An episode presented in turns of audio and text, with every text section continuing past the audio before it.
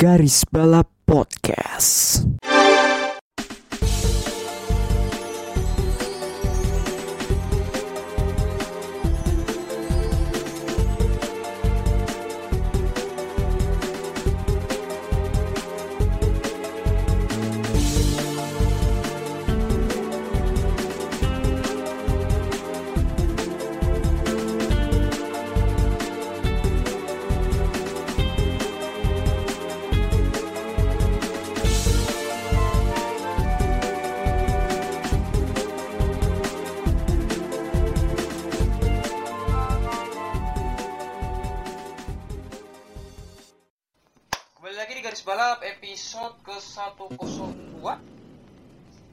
Banyak banget ya. Bahkan baru kemarin episode 100 tapi udah lupa aja episode berapa di sekarang. 102 kayaknya. Pos.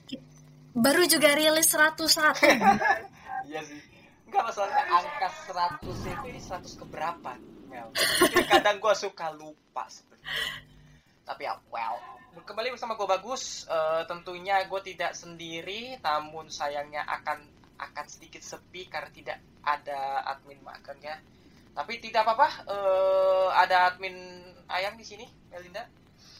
Halo semua. Ya, ini mungkin episode keberapa tanpa Rika ya.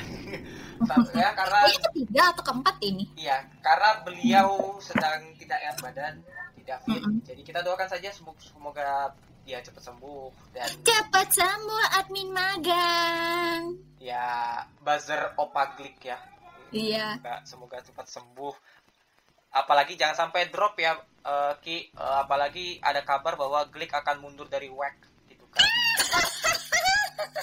bahkan di Nur bahkan Nurburgring aja dia masih tanda tanya gitu loh. Padahal bertahun-tahun ikut. Iya.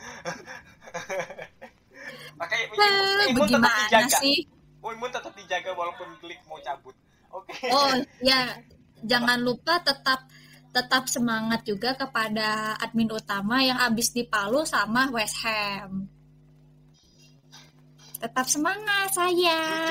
meskipun ya gue udah menduga udah udah menduga bahwa eh, Miami ini akan sangat membosankan tapi gue tetap tetap optimis aduh Miami bakal bakal bakal seru tapi melihat MU yang seperti itu ya udahlah gue mau tidur Udah lah lu lu ya gue tahu lu berharap sebuah masterclass dari seorang Erik Ten Hag gitu ya. Cuman Iya. lu jangan terlalu berharap deh kalau udah kayak begini. Ah iya sih, apalagi apalagi yang apalagi ya kembali ke setelan pabrik ya bisa dibilang. Iya, makanya masalahnya tuh ini lu kalah ya tuh sama tim yang di jauh di bawah lo gitu. Iya, dan gue sih udah udah sedikit menduga itu akan terjadi apalagi rekor away-nya MU buruk. Buruk banget. Aduh, emang ya. Jadi ya jadi ya ya sudah lah, itu namanya juga MU Bay MU. Tapi ada kabar menarik lainnya, ada kabar sebenarnya kabar yang apa namanya kabar yang menggembirakan untuk motorsport Indonesia karena dari 186 pembalap yang akan mengumumkan yang akan mengikuti Le Mans 24 hour yang berlangsung Juni ini ada dua pembalap Indonesia lagi yang akan mengikuti Le Mans yaitu di antaranya ada Sean Gilile tentu saja tim WRT dan lalu yang kedua ada GTM yaitu Om Andrew Arianto kembali lagi. Sirkuit walaupun bukan bersama Absolute Racing tapi dia akan membalap bersama Walken Horse Motorsport yang yang di mana mereka adalah jawara ASEAN Lemang tahun ini Uh, karena di, karena karena Walken Horse dapat tiket gratis oh invitation ya? yes auto invitation Oh, iya. tapi tapi sayangnya mereka tidak menggunakan mobil BMW MX GTI yang sangat besar itu ya Gak pakai Porsche bukan? Ferrari 448. Oh. Tidak sabar untuk hajatan nanti eh, apalagi kelas hypercar sangat ramai ya. Uh, rame banget sampai saya ketar-ketir. Iya, sampai ketar-ketir nih Toyota mau gimana gitu kan. Terus eh, Ferrari bagaimana persiapannya. Ya nanti kita ada pokoknya adalah pembahasan khusus soal Lemang. Tunggu aja. tunggu aja kita bakal menggunakan menggunakan format khusus untuk lemang ini. menyambut balapan ha- menyambut hajatan lemang kan. Tapi juga ini juga ada sebenarnya ini ada balapan yang sebenarnya bisa dibilang sangat seru. Kembali lagi di Monaco walaupun ini Monaco apa terkesan sangat sulit overtake. Tapi itu dibantah langsung oleh Formula E. 116 overtake. gila. Gila, seru banget parah. 116 overtake meskipun banyak kebagongan lainnya ya. Kayak misalnya Dan Tiktum sama Max Gunther he did it again. It happened again. It happened again. Dan Gue sampai sekarang gak ngerti kenapa gak diinvestigate. iya nggak diinvestigasi ya. Gak ngerti lagi kayak anjing. Dan Tiktum, it happened again. Ya ini makanya nih dan Tiktum ini jadi sangat-sangat jadi buah bibir di pedok ya. Karena aksinya dia lagi. Gak paham. Tapi di luar itu kayak kemenangannya Cassidy dan juga posisi kedua Ev- Evan sama Jack Dennis di posisi ketiga layak lah ya. Wah, gila seru Gus. Eh, buat teman-teman kalau mau nonton bisa di channel 4 ya. Hmm. Kira-kira kenapa tuh? Gratis. Oh, oke oke oke oke oke. Tapi Dan anyway- real time. Tapi anyway, eh, Tapi seru sih, balapannya sumpah seru banget, gak bohong. Ya di seru banget. balap, di luar itu balapan terus seru dan Nick Cassidy jadi pimpinan baru klasemen ya, Yoi, menggeser Pascal Wehrlein Pascal. Yang dalam beberapa balapan terakhir menurun bisa gue bilang. Meskipun finish on point tapi kalau nggak dapet poin tertinggi buat apa juga. Apalagi lu on a title contender gitu. Yoi. Makanya kayak eh ini yang membuat aku jadi mikir loh. Hmm. In a sense, kenapa F1 di Monaco ya jadi boring? Size does matter. Tapi Size of the car-nya emang matter. Tapi sebenarnya dari dulu Monaco emang begitu Mel. Dari F1 dan size-nya di tahun 2000 kita tahu sekecil apa. Tetap Mm-mm. aja. ya meskipun overtake-nya mungkin bisa lebih banyak kali ya. Lebih banyak lah at least Ah, kan gitu. Jadi ya gue jadi berpikir aja gitu what if kalau misalnya size mobil F1 tuh direduce lagi gitu. Bukan makin gede kayak sekarang gitu, diperkecil lagi gitu. Iya iya iya iya iya iya iya iya. Kayak tapi ya, jangan tapi jangan kan kayak ini Red kan- tapi sorry tapi F1 jangan kan ta- tapi jangan kayak Red Bull softbox ya. fuck. Itu kecil. Lanjut ya. Eh, in a sense kan FA ini tuh nunjukin bahwa Monaco tuh bisa seru loh gitu. Iya, itu kan Monaco- udah sebenarnya dari yang Monaco yang pendek itu sebenarnya udah seru. Iya Monaco yang pendek juga seru, tapi kan yang sekarang kan pakai layout yang panjangnya kan, layout fullnya mereka kan. Layout realnya. Heeh. Makanya eh, makanya jumlah lapnya itu sedikit dibandingkan yang tahun lalu. Tentunya sayang banget ya kita untuk ronde berikutnya tidak bisa hadir kayak tahun lalu Jakarta IPRI. Iya, ih. Kalau Kecuali kalau ada yang mau donasi. nah kecuali kalau ada yang mau sponsorin. Tapi sayangnya kalau untuk saya mungkin mungkin bisa jadi karena kehalang kerja atau apa tapi Heeh. ya ada prioritas lain lah gitu loh. Iya. Yang menyebabkan yang menyebabkan gua pun nggak bisa nonton Jakarta IPRI tahun ini. Udah udah dipastikan gua nggak akan nonton. Mm-mm. Mungkin Ya. untuk mungkin tahun depan bisa. Ya siapa tahu Gus nanti kalau misalnya nanti tahun depan ada yang mau sponsorin kita ya kenapa tidak gitu kan kita bakal nonton langsung di sana lagi kita akan kembali Kita akan kembali kalau ada yang ngedanain ya. ya Atau paling tidak ada media invitation. Sayang sekali saya tidak dapat, tapi ya sudah. lah. Heeh.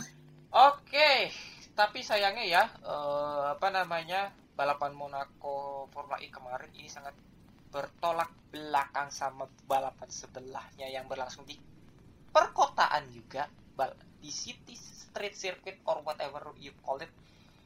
Miami Grand Prix.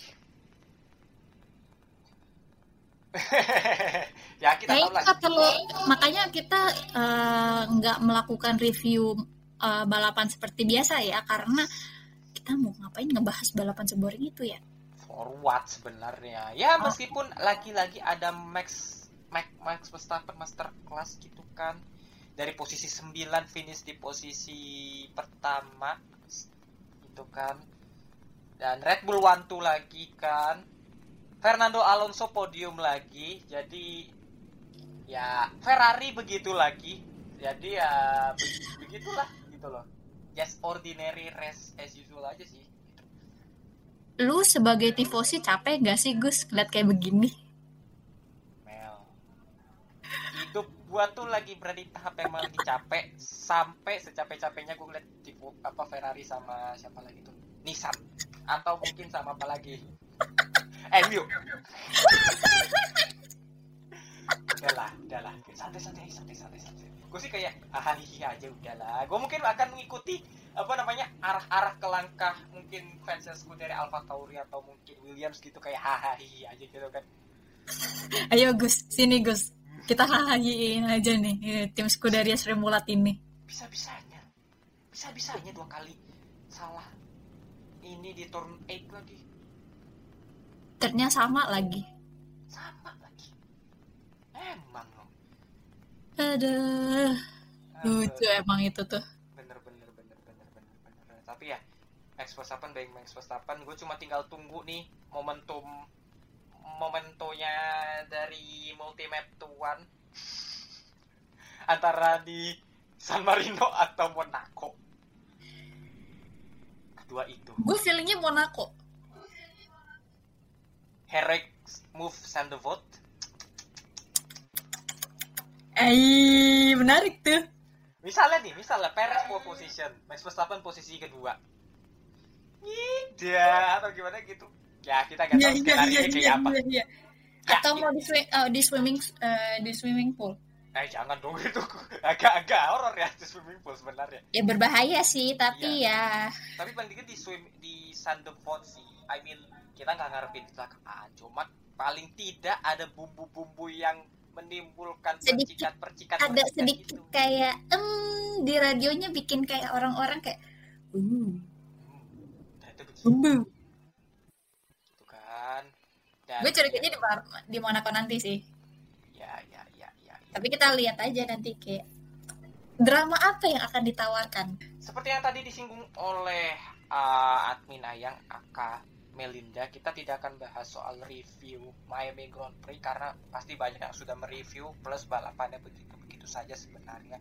Tidak banyak hal yang menarik kecuali gimmick-gimmick yang gak jelas. Sumpah, gue benci banget gimmicknya itu. ya, ya banyak yang ditentang kan. Terus lebih lagi banyak influencer yang ya udahlah namanya juga Gue influencer. influencer kayak ya ya udahlah ya mereka doing it their job untuk menginfluence orang-orang untuk datang ke itu. Jadi gue kayak I have no problem with that, Yeah. but the way they act when Nah, walk itu paling gue kesel banget. Nah, nah, gue sih nggak apa-apa kalau misalnya influencer kayak Vin Diesel nggak apa-apa dah. Pakai kaos kotangan gitu dengan otot-ototnya gitu kan nggak apa-apa gitu. Itu kayak kan Uh-uh. ciri khasnya, ciri khasnya Dom Toretto gitu loh. Huh? Dan emang dia kan sempet ini kan ke Garcia McLaren gitu-gitu, sempet ngomong sama Oscar Piastri bahkan. Vin Iya. Itu nggak apa-apa. Tapi kalau kayak ya ini sih yang tadi lu bilang sih kayak da- dari cara mereka apa sih namanya perlaku apa ya mereka tuh kayak apa sih melakukan hal yang menurut kita mungkin kayak apaan sih kayak bikin kita ilfil mungkin kalian Uh-uh. tepatnya tapi ada momen great walk yang sangat menjadi buah bibir yaitu ketika Sir Jackie Stewart memanggil Roger Federer Oh iya. karena si Martin Brundle pengen wawancara Roger Federer kan dan dengan Iya, berani iya. Sir Jackie Stewart melewati batasan grid saat itu padahal itu nggak boleh langsung datengin Roger Federer dan sem- ini sempat apa namanya ada sedikit bukan nggak cocok sih sebenarnya lebih ke Sir Jackie Stewart mengupayakan untuk meraih eh, Roger Federer gitu tapi dihajar Hah? bodyguardnya eh, pada akhirnya berhasil Mm-mm. Lucu sih itu. ya lucu lucu lucu lucu, lucu. yang Heeh. bikin gue salfok itu pakaian yang dipakai Martin Brundle itu batik bukan sih makanya malah ke sana kayak bapak-bapak ke kondangan gitu loh five sec dapet eh ya mungkin orang ngeliatnya kayak kayak eh, eh, eh, eh, batik gitu kan cuman kalau gue sih ngelihatnya either itu emang batik atau lu tahu baju-baju bohemian itu gak sih? Bisa jadi. Yang atau dipakai eh, eh, yang dipakai hippie itu. Ya bisa ya, ya, jadi. Tapi bisa jadi itu pakaian tapi kalau dibilang pakaian pantai enggak juga sih. Tapi berarti dari bahan aja gerah. Iya. Iya pakaian pantai juga enggak soalnya Itu Miami kan panas kan? Eh, Miami panas dan kayaknya itu bukan dari kartun biasa deh itu kayaknya made from polyester or something lightweight gitu. Hmm, tapi tetap Oh. aja kelihatannya masih kelihatannya panas sih. Ya Miami lu ngarep apa sih? 32 lu bayangin aja pakai cat pakai baju Ngarep- gitu tapi cara apa? apa sih Gus gitu? Tapi bakal lengannya adem panjang. kayak Badung gitu. Iya sih. Tapi lengannya panjang gitu yang panas lagi. Ya well it's due to ya karena ethics dan ininya aja sih kayak dress code-nya aja gitu biar lebih proper gitu Iya sih, ya benar-benar itu masuk akal. Oke, karena kita tidak akan membahas Miami karena sudah banyak yang bahas. Kita bahas soal ya mungkin kita ini sebagai bentuk tribut kita ya ke salah satu pembalap dan rally yang meninggal sekitar 37 tahun yang lalu. Tepatnya pada 2 Mei yang lalu, seminggu yang lalu. Eh, yaitu Henry Toivonen. Hmm, pembalap Swedia. Eh, Swedia, sorry. Finish. He's finished He's finished. Dia selesai. Ya emang selesai sih. bro Ya, ya. dengan dark joke-nya Oke, Henry Pauli Toivonen atau biasa kita sebut Henry Toivonen lahir di dua, lahir 25 Agustus 1956 adalah pembalap Finland yang lahir di Jyväskylä I should say eh, rum- yang biasa disebut sebagai rumahnya Rally Finland. Ia merupakan anak dari seorang pembalap rally juga asal Finland bernama Pauli Toivonen yang terkenal yang apa namanya terkenal akan kemenangannya di Monte Carlo tahun 66 lalu menangi rally Finland kalau di sini dibilangnya 1000 legs kalau sekarang di- disebutnya rally Finland lalu Acropolis pada saat itu dan dia menjadi juara European Rail Champion si Pauli Toivonen ini. Nah, Henry Toivonen telah belajar mengendarai mobil sejak umur 5 tahun. Meskipun punya apa ya kedekatan akan dunia rally, sebenarnya Toivonen itu bukan beras, bukan apa ya memulai karirnya bukan dari dunia rally, justru dari karting. Udah gitu juara. Gitu loh. Dan juga sempat sempat ke sempat apa namanya di Formula V. Kalau Formula V mungkin sekarang mungkin namanya mungkin sekelas sama Formula 4 Eh, terus kemudian balap di Formula V dengan menjuarai apa namanya eh, kejuaraan di Finland nah lalu singkat cerita karena keluarganya apa namanya kayak mempertanyakan atau sangat concern soal safety di balapan sirkuit, dia berpindah ke balapan full time rally.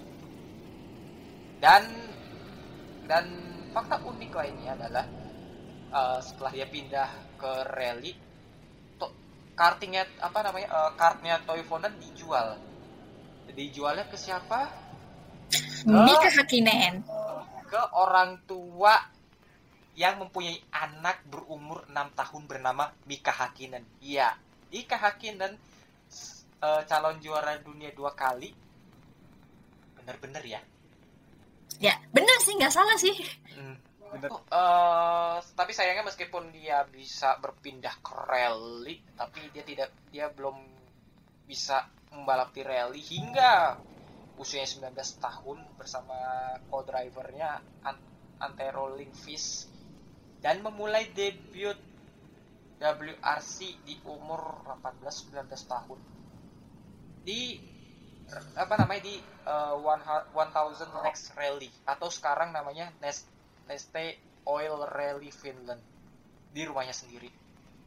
Tahun 75 dengan tim dengan tim private dengan mengemudikan mobil Simca Rally 2 namun sayangnya dia gak bisa menyelesaikan balapan di stage 36 karena mengalami masalah mekanik.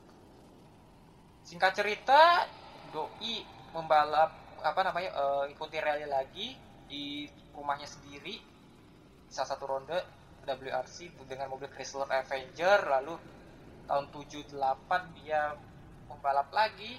Eh apa mengikuti rally lagi di Arctic di di ronde kedua dari European Rally Championship dan World Rally Championship. Jadi dulu tuh tahun 78 European Rally Championship sama sama World Rally Championship tuh kayak digabung gitu. Ada ada ronde yang digabung.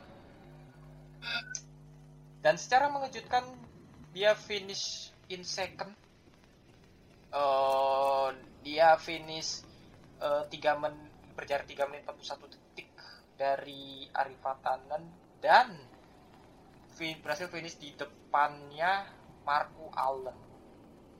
Dua-duanya nih calon kompetitornya dia nanti di WRC masa yang akan datang.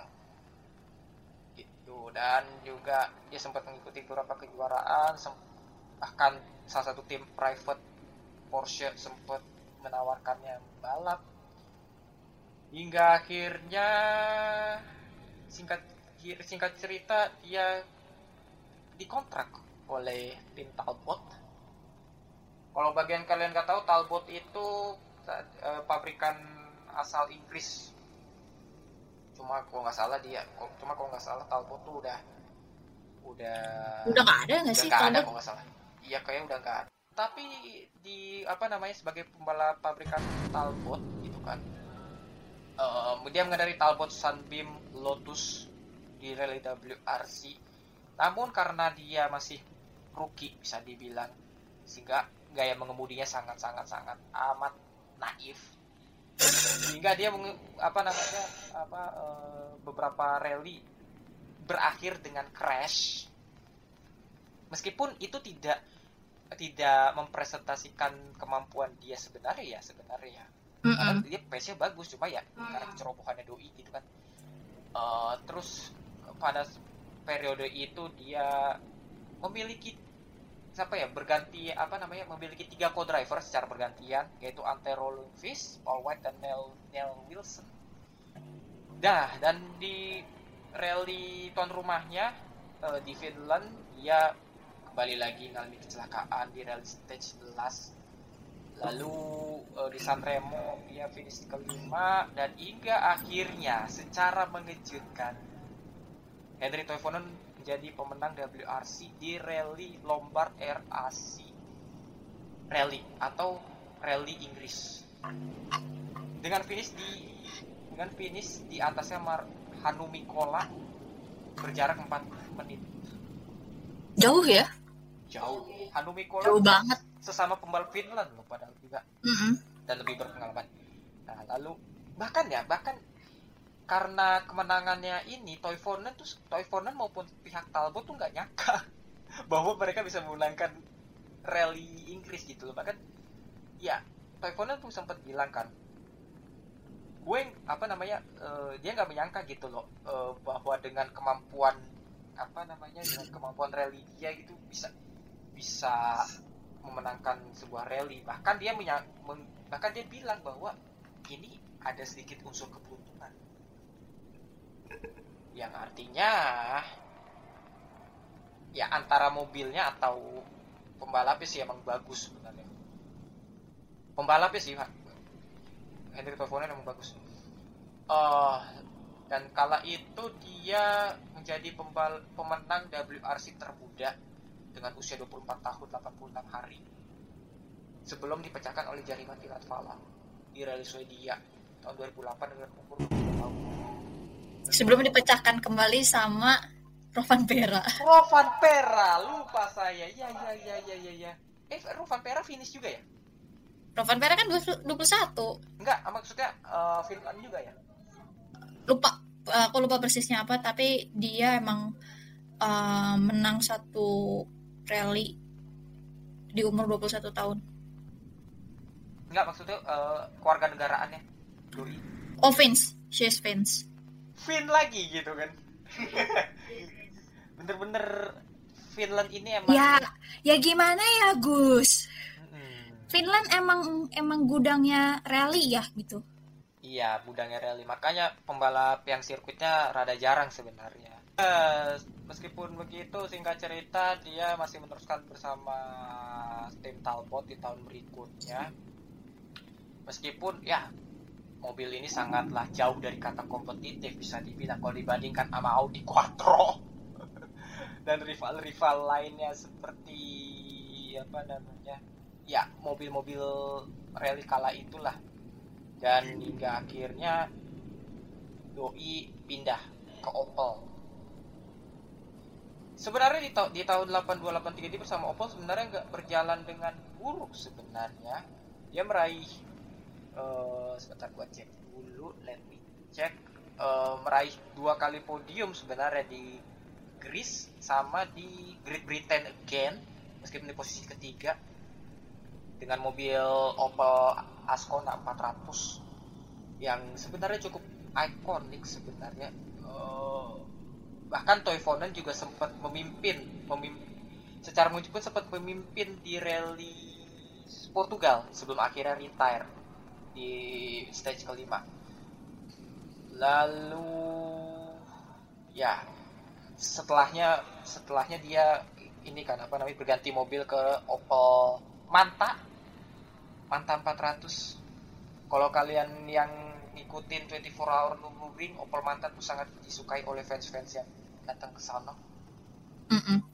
Opel Manta 400 itu mobil juga salah satu yang ikonik banget Eh, namun kegiatan di luar balapnya ternyata di sela-sela dia bersama Opel dia sempat sempat ngikutin balapan F3 meskipun cuma satu ronde doang F3 British. SF Free British. Waktu itu dia gue lupa nama timnya apa tapi dia tuh ngendarain mobil Ralt RT3. ya Ralt RT3 dan bahkan dia finish saat dia ini apa namanya mencatatkan gua gua nggak tahu pasti ini waktu atau jarak tapi 1,4 detik lebih cepat daripada regular driver saat itu Raul Bosel yang merupakan calon pembalap F1 juga sebenarnya Raul Bosel terus juga di akhir 83 itu dia sempat ikutin European Endurance Championship. Atau mungkin yang sekarang bisa dikatakan ILMS kali ya. Iya. Eh, bersama Richard Lloyd Racing. Namun sebenarnya ini debutnya sempat- sebenarnya di Imola tapi sayangnya dia tidak ikut balapan cuma ikut praktisnya saja. Namun di balapan berikutnya di Mugello dia berhasil dia mengikuti balapan tersebut dan finish di peringkat 3 dan be- berpartner dengan pembalap pentolan endurance Derek Bell dan Jonathan Palmer. Eh, ini somehow ada related to ini enggak sih? Apa? Jolon. ya, ya, ya, Jo- Jonathan Palmer is a father of Julian Palmer. Tapi meskipun That's ya, tapi meskipun begitu pembalap kayak Derek Bell multi time Le Mans winner dan Jonathan Palmer meskipun di F1-nya meh tapi tapi tapi juga di sports car sebenarnya dia juga bisa berbuat banyak gitu. Nah, itu singkat ceritanya mengendarai mobil Porsche 956 ya. Mhm. lalu pindah lalu pin- lalu dia pindah ke Porsche tahun 84 mengikuti European Championship sama Porsche. Ya, dan juga singkat cerita juga sebenarnya. Ini membuatnya dia eh, apa namanya membuat dia direkrut sama Lancia karena bersama Porsche dia meraih runner up di championship di European Rally Championship. Itu membuatnya dia dikontrak oleh Lancia Martini untuk beberapa ronde di WRC dengan mobil Lancia 037 yang sebenarnya cukup Lancia 037 ini salah satu yang mobil yang ikonik juga hanya di, karena performa impresifnya di Finland dengan finish peringkat 3 di WRC, Lancia memutuskan untuk mengontraknya. Dan Cool. tahun 85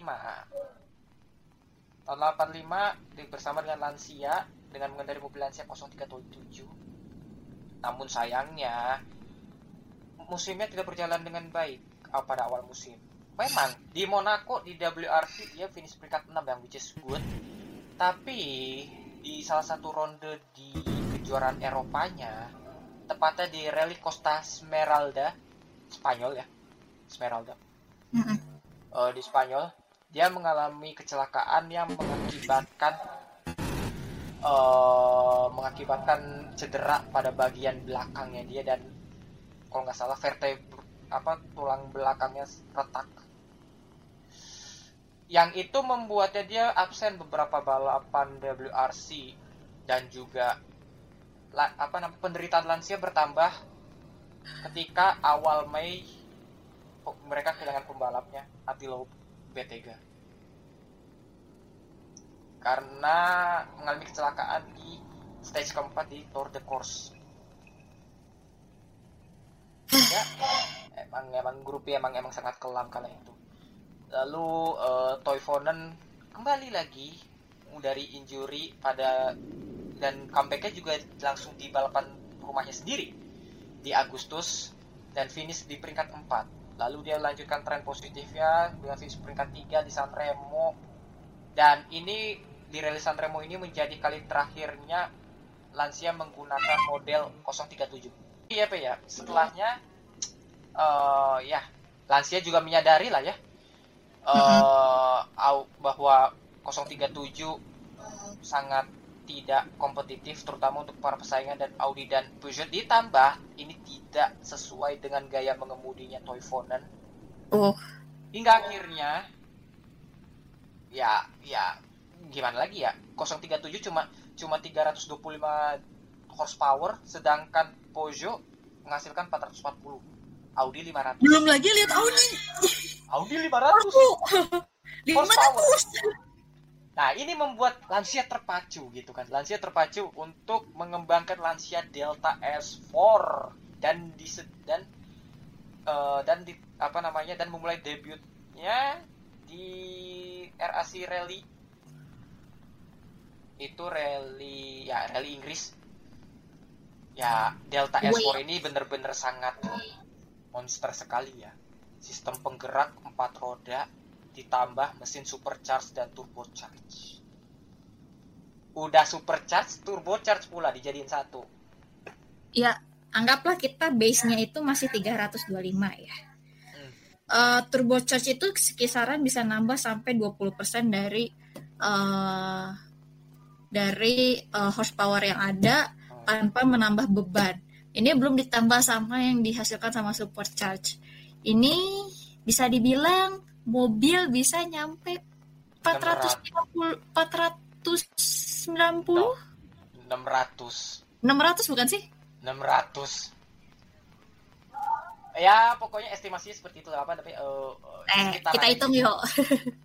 Pokoknya sekitarannya 600. Atau gak usah ini deh, lihat ininya spesifikasinya Lancia Delta S4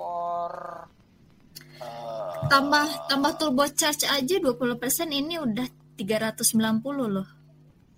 Iya, lima, sekitar 500. Dan bahkan bisa Belum ditambah- dikembangkan belum- dan bisa dikembangkan jadi 1000 horsepower.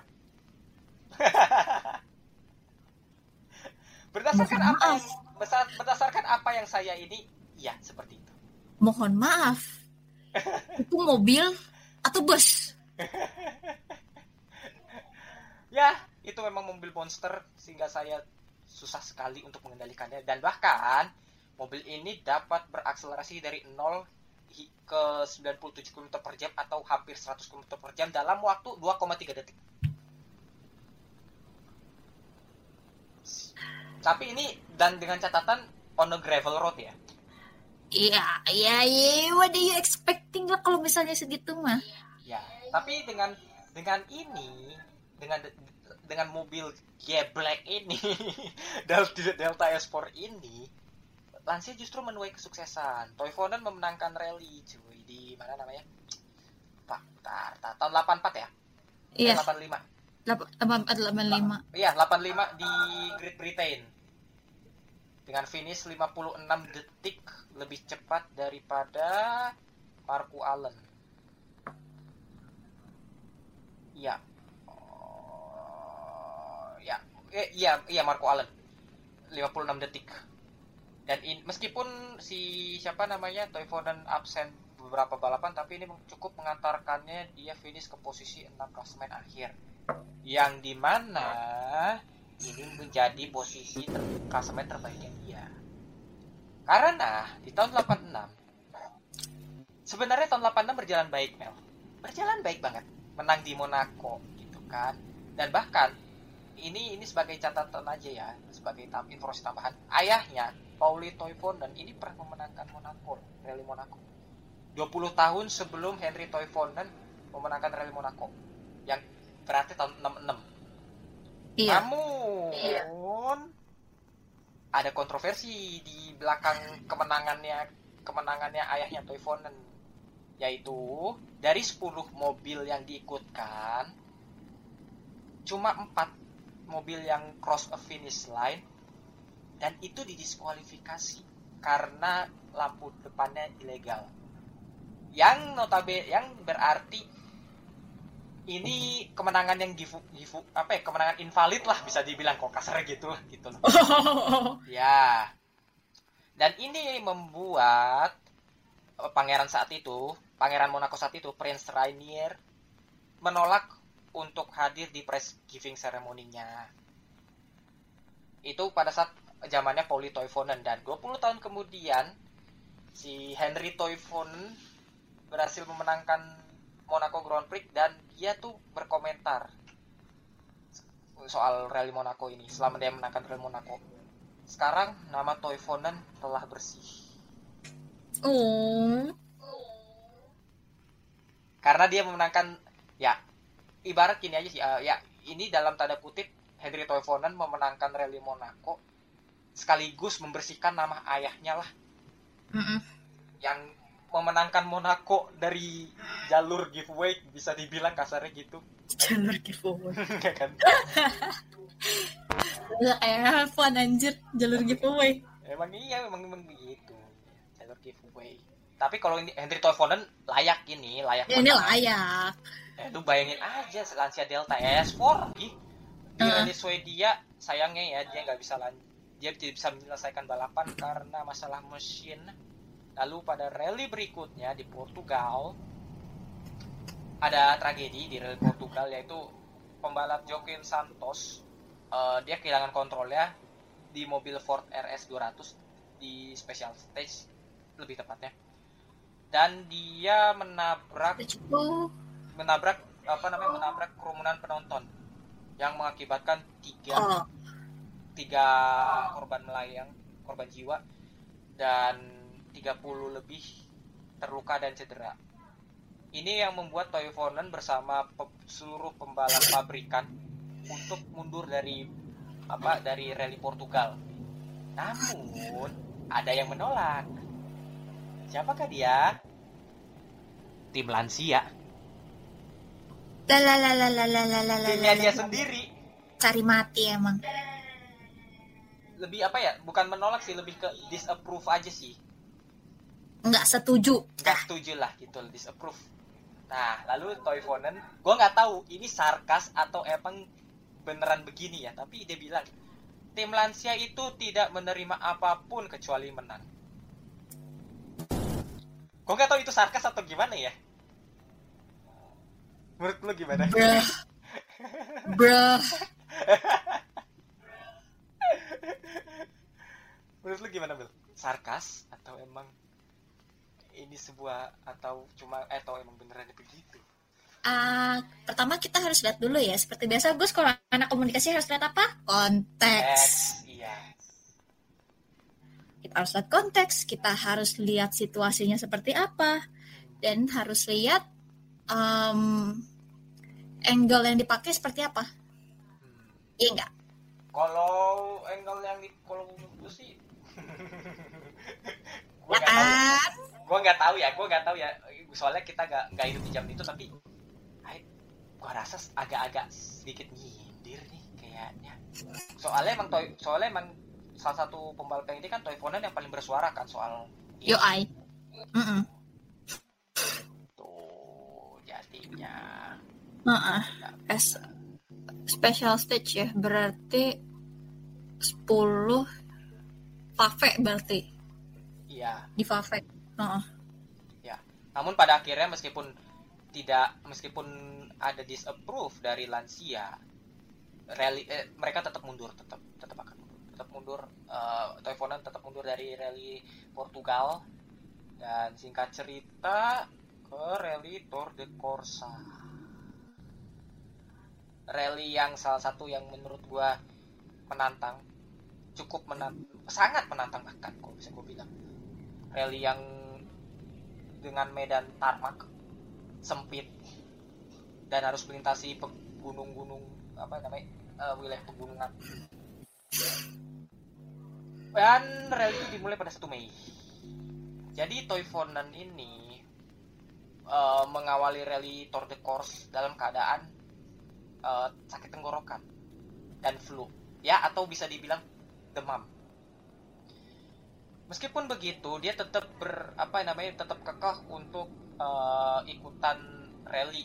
Karena eh karena dia udah tiga kali apa namanya ti- tiga kali per- apa namanya tiga kali rally tapi tidak menghasilkan apa pun gitu kan. Dan pada akhirnya dia Mhm. lost lost his championship lead jadinya. gitu Hmm, terlebih lagi di rally terakhir di Kenya dia nggak ikut juga. Namun meskipun demikian dia meskipun dia apa ya eh, eh, meskipun dia apa namanya eh, harus minum obat dan pokoknya di bawah penanganan medis karena terkait demamnya dia masih bisa memenangi stage win hebat loh dia. Dan setelah setelah first leg hari pertama ya tepatnya ya? Iya. setelah hari pertama dia berkomentar rally ini gila. Meskipun saya berhasil apa nih berhasil melaluinya dengan sangat baik namun namun jika di sana terdapat masalah tentu saja saya saya tamat berarti emang ya udah menduga dan udah mulai menduga-duga di sebenarnya Rudi dan juga terlebih lagi Toivonen apa namanya mengeluh bahwa mobilnya itu terlalu cepat dan terlalu bertenaga untuk rally rally kayak Tour de Corse dia menemukan bahwa mobil Lancia berkekuatan 600 da- horsepower itu sangat susah untuk dijalankan di medan jalanan lah di jalan di area tarmac. Dan dan mengakui bahwa itu sangat melelahkan dari fisik dan pikiran. Ya lu bayangin aja. Mobil lu mengendarai Lancia Delta S4 600 DK di medan tarmac medan yang bukan medan gravel ya. Dan itu sangat sangat sangat sangat uh, uncontrol banget sih. Sangat sangat tidak terkontrol sekali mobilnya. Iyalah. dan juga several other rally driver cukup concern soal hal ini gitu kan soal grup B gitu. Dan lalu Toivonen ini mungkin pernyataan terakhirnya Toivonen ke publik kali ya. Bahwa setelah 4 jam mengemudi sangat sangat susah untuk untuk untuk apa namanya untuk melaju, melaju dalam kecepatan ini gitu. Jadi dengan modern car modern car maksudnya pada masa itu dengan mobil modern seperti ini sangat mustahil untuk dilajukan di sini. Secara fisik dan pikiran ini sangat melelahkan dan tidak bisa ditahan lagi. Dia pun bahkan udah bilang udah bilang udah ya mungkin karena fisiknya dia juga kali ya yang lagi sakit kali ya. Iya. Intinya grup B tidak ramah. Tapi eh, pada sek- second leg di hari Jumatnya 2 Mei. Tepatnya di 7 km dari apa namanya dari stage ke-18 tepatnya di Corte Taverna. Lansianya Toivonen eh, keluar jalur ya keluar jalur dari jalan eh, dari apa dari jalur. Eh, tikungan tight left corner. Dengan tanpa pembatas pembatas trek sehingga membuat mobilnya jatuh ke bisa gue bilang ngarai? Revin Revin itu apa ya? Lebih Revin semacam semacam semacam jurang kan? Raven Raven tuh kayak ini gak sih? Saya semacam jurang. Ya ya mirip. Ah steep, deep narrow gauge of the steep sides. Berarti kayak eh ini enggak sih?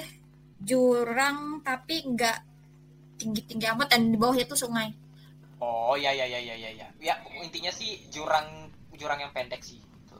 Heeh. Dan lalu eh, pada saat dia jatuh ke sebuah jurang kecil, itu sem- mobilnya sempat berbenturan dengan pepohonan.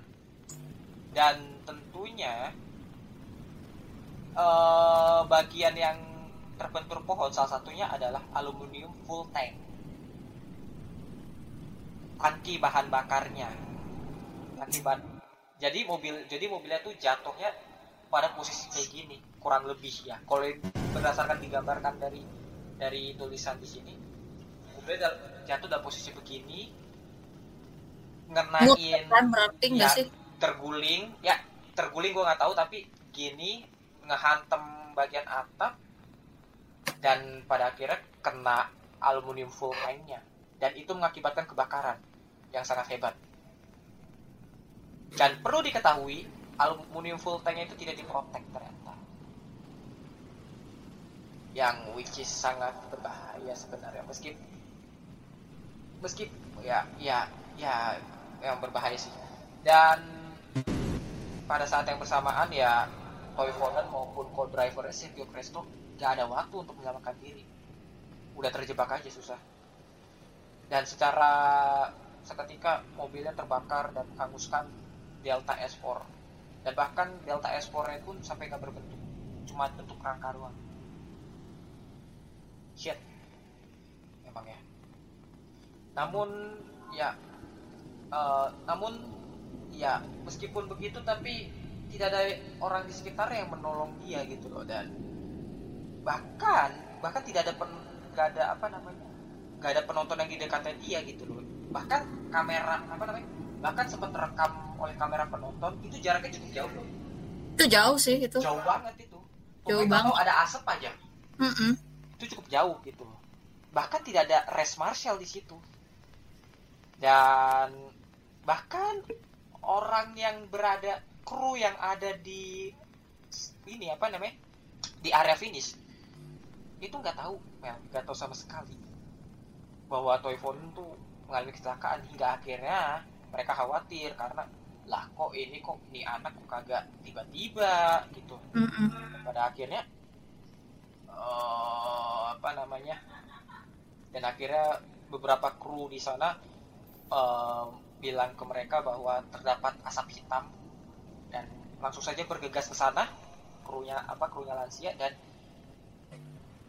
kru lansia tidak bisa men, apa sih namanya tidak bisa mencari tidak bisa mengetahui penyebabnya kenapa mobilnya terbang kenapa mobilnya mengalami kecelakaan karena mobil sudah terlanjur hancur dulu ya make sense sih.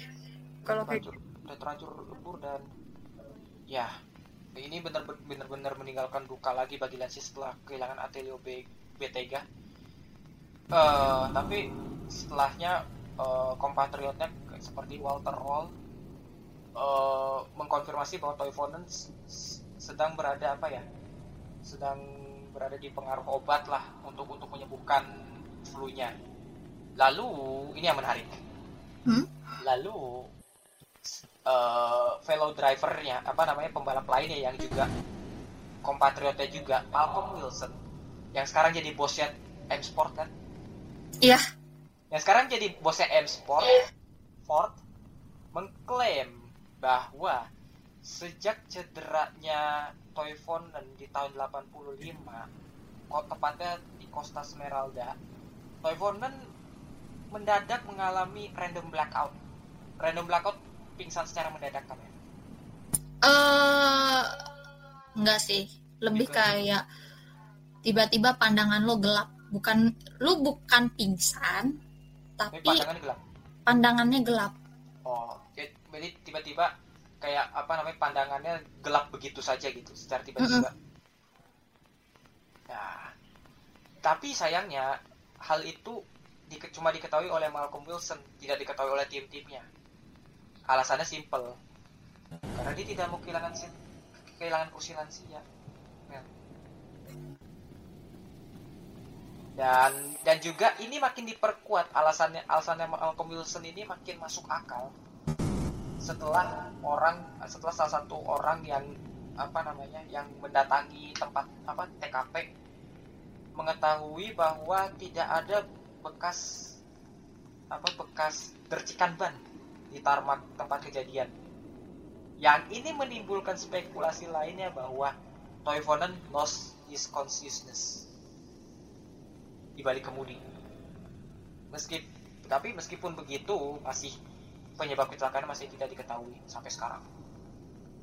Ada kemungkinan seperti itu atau ya gue sih mungkin ini pendapat gue mungkin ya Hmm. grup B kayaknya nggak selalu salah sih dalam kejadian ini menurut gue ya meskipun grup B berbahaya tapi it's not totally Lancia Delta S4 fault kalau boleh gue bilang tapi mungkin kalau emang kejadian ini beneran terjadi pada Toivonen kayak loss his consciousness atau mengalami random blackout Mm. ya mungkin bisa dibilang salah Toivonen juga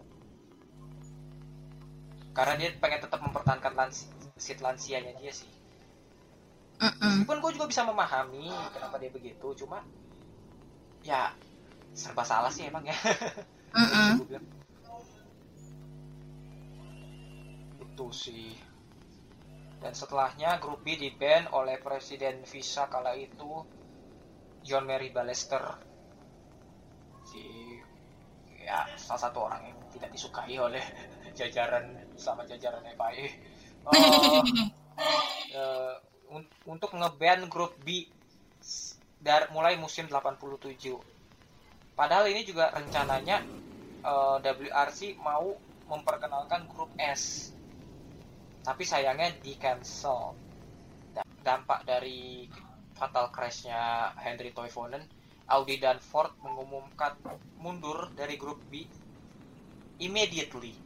Namun tim tim-tim lain tetap berkompetisi hingga akhir musim termasuk Lancia nah di Tour de Corse eh, rally Tour de Corse tetap dilanjutkan pada hari berikutnya dan dimenangkan oleh Bruno Sabi bukan Sabi bisa ya tapi emang namanya Bruno Sabi, Sabi. Eh, dengan mobil Po- Peugeot 205 turbo yang salah satu mobil yang bertenaga juga kala itu ya eh, terkait kecelakaan Santos dan Toivonen banyak komentator dan pembalap apa namanya udah memperingati udah udah udah memperingatkan bahwa bahwa mobil ini tuh terlalu susah untuk dikendalikan gitu. Namun sayangnya ya itulah. Visa di, visa kala itu dikritik juga karena eh, apa namanya karena menyadarinya terlalu telat menyadari grup terlalu berbahaya tuh telat udah telat. Sampai korban jat, sampai jatuh korban jiwa kan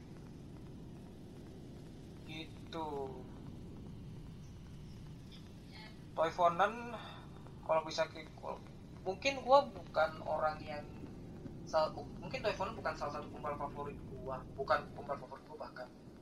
Tapi dia tuh apa ya kalau berdasarkan gue lihat dokumentasinya sama apa berdasarkan apa yang gue lihat di artikel itu sebenarnya Toivonen tuh salah satu pembalap yang cukup sangat fleksibel. Eh, versatile sorry versatile. Sangat Oh, serba bisa.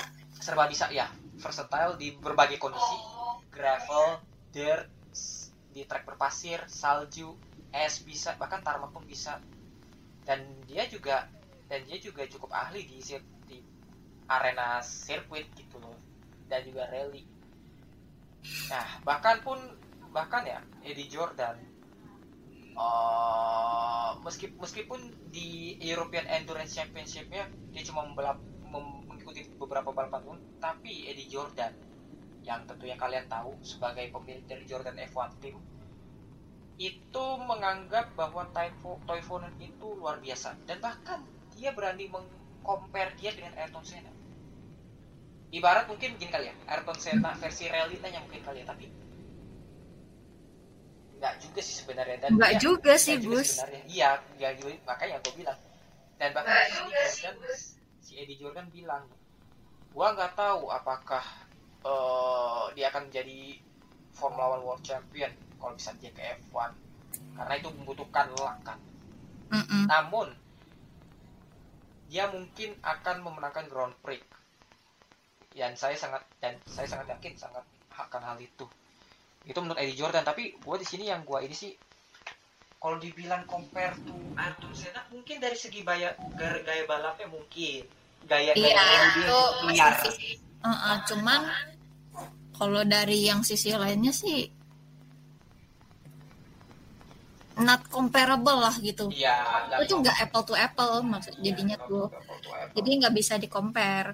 Oh, dan dan juga apa ya kayak Ayrton Senna misal di rally belum tentu kayak begitu sih apalagi mobil itu grup B Nah Ya. iya, itu yang membuat membuat membuat apa namanya ya mungkin eh, si siapa namanya si fuck si Hendrik Toivonen dikenang sebagai pembalap yang pertama versatile kedua juga gaya balapnya yang cukup ambisius gitu. Loh tancap gas terus gitu kan. Ada. Hendrik, meskipun Henry Toivonen ya kalau bisa gue bilang dia tidak memenangkan rally apa pun menjuarai rally apa pun tapi pengaruhnya lumayan gede sih terhadap dunia rally lumayan lumayan lumayan besar loh meskipun dia tidak menjuarai rally ya mungkin kayak siapa ya kalau di F1 ya ada nggak sih pembalap F1 Gilles? yang mungkin Zils mungkin kali ya tapi kayaknya Jules nggak sih? Lebih mirip Jules dia tuh daripada gitu. kayak kayak kayak dia tuh tidak memenangkan apa pun tapi dia tetap kayak disu dicintai gitu bukan dicintai sih lebih ke di apa sih namanya dihormati lah namanya. Kalau aku sih eh Toivonen ini lebih mirip kayak Jules Villeneuve dari daripada Ayrton Senna. hmm, Ya, mm-mm. kalau itu lebih comparable menurutku. eh legacy yang dikasihnya tuh beyond time Beyond. sih. Meskipun ya dia juga salah satu penyebab kenapa grup B di band ya. Cuma Mm-mm. dia pembalap yang apa ya cukup apa ya cukup vokal gitu terhadap misalnya grup B dan apa konser soal grup B dan lansia nya dia gitu pada saat itu. Itu sih palingan. Tapi tapi emang tuh tapi emang tapi emang Delta S4 ngehe sih Mm-mm. Hmm. Benar, benar, benar, benar, benar.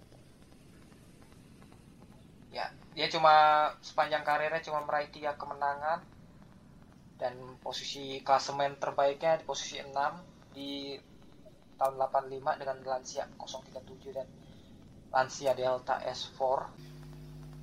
Hah, mungkin kalau dari gue itu aja. Ya, Ada tambahan Melinda sebagai pecinta rally? ngerti ya orang-orang kenapa grup B di band ya? Sudah tiada. Tidak perlu kalian itu lagi. Cuman ya again um, ini juga masih masih menjadi misteri sih. Kenapa mobilnya mobil si uh, Toivonen. Toivonen ini bisa crash gitu kan. Sampai sekarang pun ini masih misteri gitu. Iya. eh pertama gak ada witness. Kedua yang jauh. Yang ketiga cuman bisa ngelihat ju- yang bisa dilihat tuh cuman asapnya doang. Dan juga emang gak ada gak, Dan tempat ada jang- orang- jauh. Gak ada orang satu jangkaunya pun jauh ya nggak ada orang satupun kasihan kasihan juga Uh-uh. sih sebenarnya uh, which in this case ya knowing um, the conditionnya juga uh, potentially ini ran, uh, potentially dia mengalami blackout uh, blackout sih menurutku blackout ya bisa dibilang ya soalnya Mm-mm. emang yang memperkuat argumennya Malcolm Wilson tuh ya itu mungkin karena dari karena tidak ada dercikan ban sama sekali di. Parma yang artinya mobil di full gas terus dong. Kalau dalam tanda kutip ini lah nggak nggak nggak direm lah. Kalau itu kalau itu rem kan pasti ada dercikan ban. Kayak inilah kalau misalnya lu nyetir di jalan tol microslip. Hmm mungkin. Ya ya ya. Itu itu. Kan kalau uh, microslip itu kan kayak set tuh bangun lagi kan gitu. Hmm. Nah. tapi ini tapi ini lebih tapi ini nggak kayak mi- microslip gitu ya? Ini kalau menurut gue sih nggak kayak microslip tapi kayak naik lagi gitu loh maksudnya tuh. Hmm. kayak dia tuh emang berada di bawah em, pengaruh obat ya. Mungkin aja Kalau mungkin bisa obat- mungkin bisa. obat dari flu itu kan bawaannya pasti ngantuk. Iya. Gue curiganya sih dari situ obatnya obat flu itu kan mengandung paracetamol dan lain-lain yang membuat kita untuk tidur. Tidur. Tidur untuk disyaratkan supaya obat itu bekerja di hidung kita kan basically. Eh, yang gue curiga adalah itu kayak obatnya itu bekerja pas dia lagi di stage itu. Hmm. Itu bisa jadi sih itu bisa jadi. Mm-mm.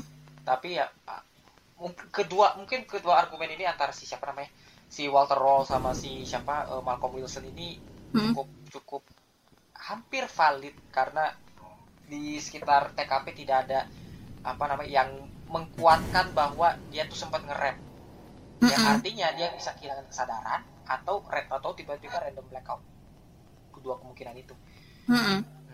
dan Toyfon Andrew Toivonen eh, meninggalkan seorang istri bernama Erya yang dinikahinya pada tahun 82 dan ada dan dia apa namanya dikaruniai dua anak bernama Markus dan Arla.